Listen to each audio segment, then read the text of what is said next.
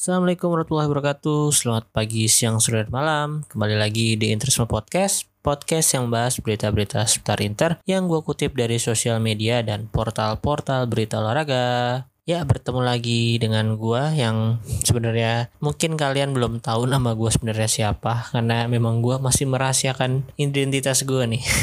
gue nggak tahu bakal revealnya kapan, cuman ya karena emang nggak penting juga kan kalian tahu siapa gue sebenarnya. Uh, kemarin jeda internasional, Serie A libur, liga-liga top Eropa libur, gue juga ikut libur. Karena kebetulan juga kerjaan di kantor gue lagi banyak yang mendekati bulan Desember ini. Oke langsung aja ke pembahasan pertama Mungkin gue akan mulai dari jeda internasional ini Seperti yang kita ketahui jeda internasional ini merupakan match-match penentu atau match-match yang krusial untuk beberapa negara yang ingin lolos ke Piala Dunia 2022 tahun depan Dari beberapa hasil pertandingan sementara minggu ini sudah ada beberapa tim juga yang dipastikan lolos ke fase grup World Cup 2022 tanpa harus melalui fase playoff lagi. Pertama ada Qatar selaku tuan rumah di mana ini juga merupakan pertama kalinya Qatar lolos ke Piala Dunia ya. Terus dari zona Eropa kita punya ada Serbia yang merupakan juara grup A, terus ada Spanyol juara grup B, juara grup C ada Switzerland yang kemarin menahan imbang Italia sehingga Italia nggak lolos secara otomatis ya. Terus di grup D ada Perancis, grup E juaranya Belgium, grup F ada Denmark, grup G ada Belanda, grup H ada Kroasia, grup I ada Inggris, dan grup J ada Jerman. Kemudian dari zona CONMEBOL sudah ada dua tim yang dipastikan menempati posisi empat besar, yaitu ada Brazil dan Argentina. Berarti sejauh ini udah ada 13 tim ya, jadi tinggal menunggu 19 tim yang harus memperebutkan satu tempat melalui playoff atau tahapan kualifikasi yang lebih lanjut ya. Untuk detailnya gue sih kurang kurang paham gimana. Cuman kalau yang gue lihat dari Wikipedia sih untuk slot setiap uh, zona atau daerahnya gue sebutin aja ya. Untuk AFC ada 4 atau 5 zona Afrika atau CAF ada 5 Zona CONCACAF ada 3 atau 4, zona CONMEBOL ada 4 atau 5, zona Oceania ada satu atau bahkan sama sekali tidak ada. Untuk zona UEFA atau zona Eropa ada 13 tim, sisanya satu untuk rumah atau host. Kemudian kalau Rusia lolos tahun depan, mereka juga belum bisa menggunakan nama Rusia, lambang negaranya atau benderanya dan anthem ya atau lagu kebangsaan ya di World Cup tahun depan. Karena masih menerima sanksi dari WADA atau World Anti Doping Agency. Sama kayak waktu Olimpiade kemarin ya mereka menggunakan nama ROC atau Rex Orange County eh sorry Russian Olympic Committee maksudnya. Mungkin kalau lolos World Cup namanya juga RWC kali ya Russian World Cup Committee. Atau mungkin disebut bukan Rusia FC Berarti dari 13 tim yang sudah dipastikan ikut serta World Cup tahun depan, ada beberapa pemain Inter sih yang kemungkinan akan bermain di negaranya. Yaitu di Argentina udah pasti ada Lautaro dan Joaquin Korea yang kemungkinan besar akan bermain di sana. Di Netherlands ada Dumfries yang selalu jadi andalan di wingback atau right back Belanda saat ini. Cuman sayangnya di Inter masih jadi Dumfries ya pakai B. Terus di Kroasia ada Ivan Perisic, Ivan Perisic dan Brozovic yang kontraknya masih tanda tanya di Inter sampai saat ini. Di Brazil ada nggak sih? Nggak ada. di Denmark kemungkinan kalau diizinkan bermain lagi ada Christian Eriksen. Di Serbia kalau Abah Kolarov masih pengen main mungkin dia main lagi untuk terakhir kalinya. Dan ada Philip Kostik mungkin yang jadi pemain Inter Januari ini atau musim depan karena kabarnya dia udah ganti agen ya jadi si apa ya Nalusio apa siapa gitu ada LL ya lah pokoknya agen itu yang sering banget melakukan transfer pemainnya ke Inter pokoknya sedikit kabar baik lah dan satu lagi di Belgia kita ada Romelu Lukaku eh sorry sorry udah enggak ya belum move on nih dah segitu aja mungkin yang udah lolos main-main Inter. Sayangnya ada beberapa tim juga yang udah dipastikan gak lolos ya. Selain Indonesia tentunya. Negara-negara itu ada Slovakia di mana kita nggak bisa nonton Milan Skriniar main di Piala Dunia tahun depan. Terus di Bosnia juga nggak lolos ya, berarti kita nggak bisa lihat Edin Zeko. Kemudian ada Norway di mana ada Erling Haaland di sana. Terus Ivory Coast atau Pantai Gading Berarti Frank Kesek atau Frank Casey nggak akan tampil di Piala Dunia tahun depan. Padahal dia potensi jadi top scorer loh kalau ikut Piala Dunia dari penalti tapi. Terus Pierre Eric Aubameyang negaranya Gabon nggak lolos. Ada Jan Oblak juga kiper yang nomor satu lah kayaknya saat ini sementara ya. Kiper Slovenia penerus Handanovic. Terakhir ada Nabi Keita dari Guinea, zona Afrika ya. data data-data tadi gue kutip dari postingan Instagram BR Football ya. Terus selain itu negara jagoan gue yaitu Italia harus terpaksa melewati uh, playoff untuk lolos ke Piala Dunia tahun depan karena mereka hanya menempati posisi kedua di zona Eropa grup C. Juara satunya uh, seperti yang udah gue sebutin tadi ada Swiss yang kemarin juga berhasil menahan imbang Italia. Ini berarti pemain-pemain andalan Inter yang bermain di Italia yaitu Alessandro Bastoni dan Nicola Barella harus menjalani laga tambahan nih Bahkan Roberto Gagliardini, Sensi, dan Di Marco juga berpotensi untuk masuk ke squad World Cup qualification jeda-jeda internasional selanjutnya bisa jadi ya. Semoga aja mereka nggak mengalami cedera ya ketika membela negaranya masing-masing. Nah ngomongin cedera nih, namanya jeda internasional nggak mungkin atau jarang banget nggak menelan korban cedera ya.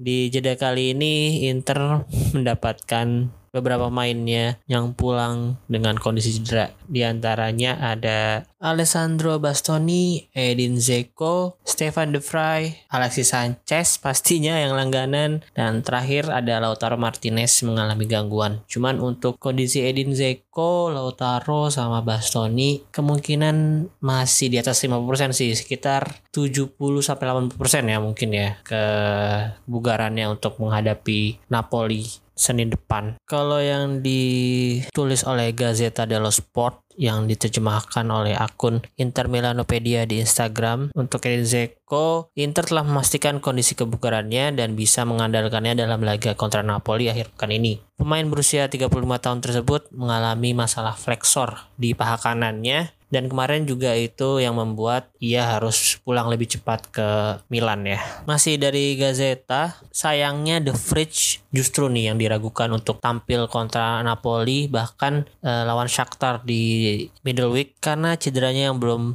pulih betul. Kabarnya The Fridge mengalami masalah otot ketika Belanda melawan Montenegro kemarin cuman belum diketahui ya untuk saat ini masalah sebenarnya apa. Terus untuk Bastoni juga kabarnya udah dalam tahap pemulihan tahap akhir ya. Dan kemungkinan besar bisa main lawan Napoli karena waktu jeda internasional kemarin juga dia ditarik kembali ke Inter nggak main di Italia kemarin. Justru Barella yang dipaksain main ya. Padahal ketika melawan Milan di menit-menit akhir juga Barella tampaknya mengalami sedikit masalah atau cedera. Ya semoga aja Barella juga nggak kenapa-napa dan semoga juga Sensi yang walaupun nggak ikut ke jeda internasional, tapi bisa aja dia pas lagi latihan cedera atau pas lagi main TikTok cedera, dia tuh bisa cedera kapan aja dan semoga aman-aman aja lah kontra Napoli nanti. Karena Inter harus banget memutus rantaian tidak terkalahkannya Napoli di Serie A musim ini ya. Biarin lah si Milan belum kalah tapi ya kita ngurusin klub kita dulu aja sendiri setelah kemarin uh, ditahan imbang oleh Milan. Harusnya bisa bangkit lagi lawan Napoli besok. Terus untuk Lautaro Martinez kalau dari Gazzetta dello Sport dan diterjemahkan oleh Inter Milanopedia masih yang sama. Dia hanya mengalami cedera ringan berupa memar saat membela timnas Argentina melawan Brazil kemarin. Cederanya kemarin itu membuatnya ia ditarik keluar dan digantikan oleh teman di Inter yaitu Joaquin Korea. Dan kampaknya sih bukan cedera yang serius ya. Dan semoga tetap bisa jadi starter di pertandingan Inter lawan Napoli besok karena kayaknya Martinez ini cukup sering ya golin ke gawang Napoli. Sementara itu di kubu lawan kita Senin besok yaitu Napoli dari website resminya mereka mengumumkan kalau back andalan mereka Kosas Manola sudah pulih dari cederanya ya. Dan kemungkinan akan bisa bermain diduetkan dengan Bali yang gua kira dia bakalan kena dua kali larangan bermainnya karena ketika melawan Salernitana dia kena red straight red card. Ya gue juga kurang paham sih. Harusnya satu pertandingan atau dua pertandingan ya. Atau dia banding karena memang pelanggarannya agak tanda tanya juga sih untuk diberikan kartu merah. Padahal gue berharapnya Napoli besok mainin Juan Jesus di posisi back sayang sekali. Kita tampaknya nggak akan melihat Juan Jesus jadi starter besok.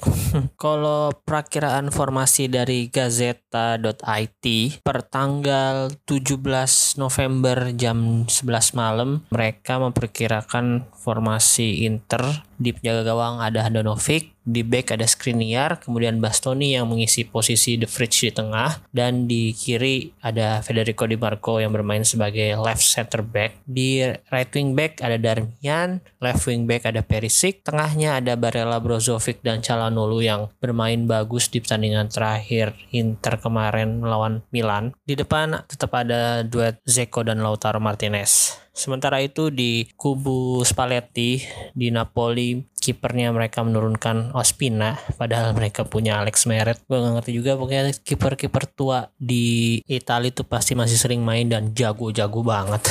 Di sisi kanan ada back kanan andalan timnas Italia yaitu Di Lorenzo. Tengahnya ada duet Rahmani dan Kolibali left backnya ada Mario Rui. Di tengah ada Anguissa, Fabian Ruiz dan Zielinski. Untuk Fabian Ruiz ini memang kalau gue lihat dari beberapa pertandingan Napoli roh permainan Napoli ini di tengahnya sih Fabian Ruiz ya. Selain mereka mengandalkan kecepatan atau skill dan agresivitas wing-wing mereka ada Insigne dan Politano di depan. Fabian Ruiz ini juga salah satu motor serangan yang patut diwaspadai selain dia bisa shoot dari jarak jauh gocekannya juga bagus, passing-passingnya juga akurat. Dan trio depannya untuk uh, perakiraan dari Gazeta ada Politano, Simhen dan Insigne. Di awal-awal musim si Osimhen juga lagi tajam-tajamnya ya. Cuman di beberapa pertandingan ini kurang kelihatan tapi harus diwaspadai karena Osimhen juga memiliki kecepatan walaupun posturnya yang tinggi, besar gitu. Dia juga cepet kayak Lukaku lah, cuman versi lightnya mungkin versi beta.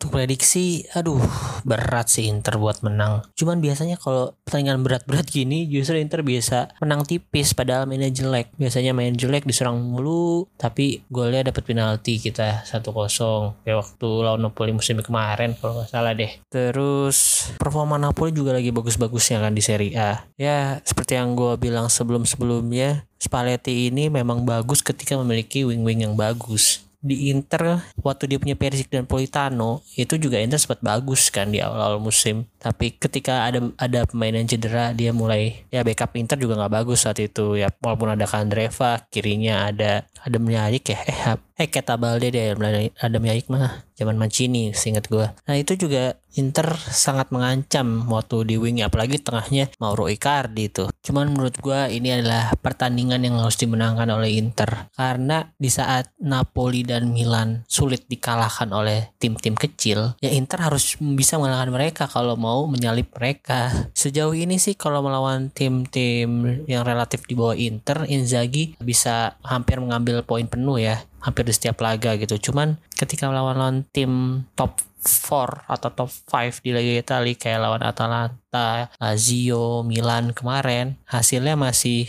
cuma 2 poin. Atalanta seri, Milan seri, Lazio kalah. Nah ini nih yang harus segera dibenahi oleh Simone Inzaghi ketika lawan tim-tim besar kayak gini Inter harus bisa mengambil poin penuh eh ketinggalan juga kan tadi lawan Juventus juga seri udah lawan 4 tim Inter belum menang sama sekali nih kalau ini Inter menang lawan Napoli bisa jadi titik balik Inter bisa jadi kandidat utama perebut Scudetto musim ini nih. Amin aja ya. Semoga ya kayak musim kemarin tuh kalau nggak salah ketika lawan Sassuolo lah titik baliknya itu Inter bisa ke Capolista lagi terus konsisten menang eh nggak pernah kalah cuman seri semoga aja deh striker-striker Inter atau main tengah Inter pada bagus mainnya dan bisa memanfaatkan peluang-peluang emas ya. Karena waktu lawan Milan kemarin sebenarnya peluang Inter banyak banget yang harusnya jadi gol. Salah satunya Barella dan ya penalti Lautaro tentunya. Nah berarti masalah Inter saat ini ya finishing atau ya harus lebih klinik atau tajam lah di depan gawang Oke, mungkin segitu aja untuk episode kali ini. Terima kasih untuk teman-teman yang mendengarkan. Jangan lupa di follow akun sosial medianya di Interisme Podcast. Kalau di Instagram, di Twitter ada Interisme Media. Dan jangan lupa juga follow akun Spotify-nya. Dan sekarang kita juga udah ada di Noise. Follow juga akun Noise-nya atau di subscribe lah bahasanya mungkin. Terus nggak lupa juga kalau ada teman-teman yang mau ngasih masukan, saran, atau tema-tema yang ingin dibahas di podcast gue boleh langsung DM melalui Twitter dan Instagram tadi. Dan kalau teman-teman yang aktif di Instagram boleh lah sekali-sekali di share uh, podcast guanya. Kalau di Spotify kan bisa tuh share ke Instagram ke Instastory. Nanti pasti gua repost atau reshare Instastorynya ya. Oke, sekali lagi terima kasih. Arrivederci, Forza Inter.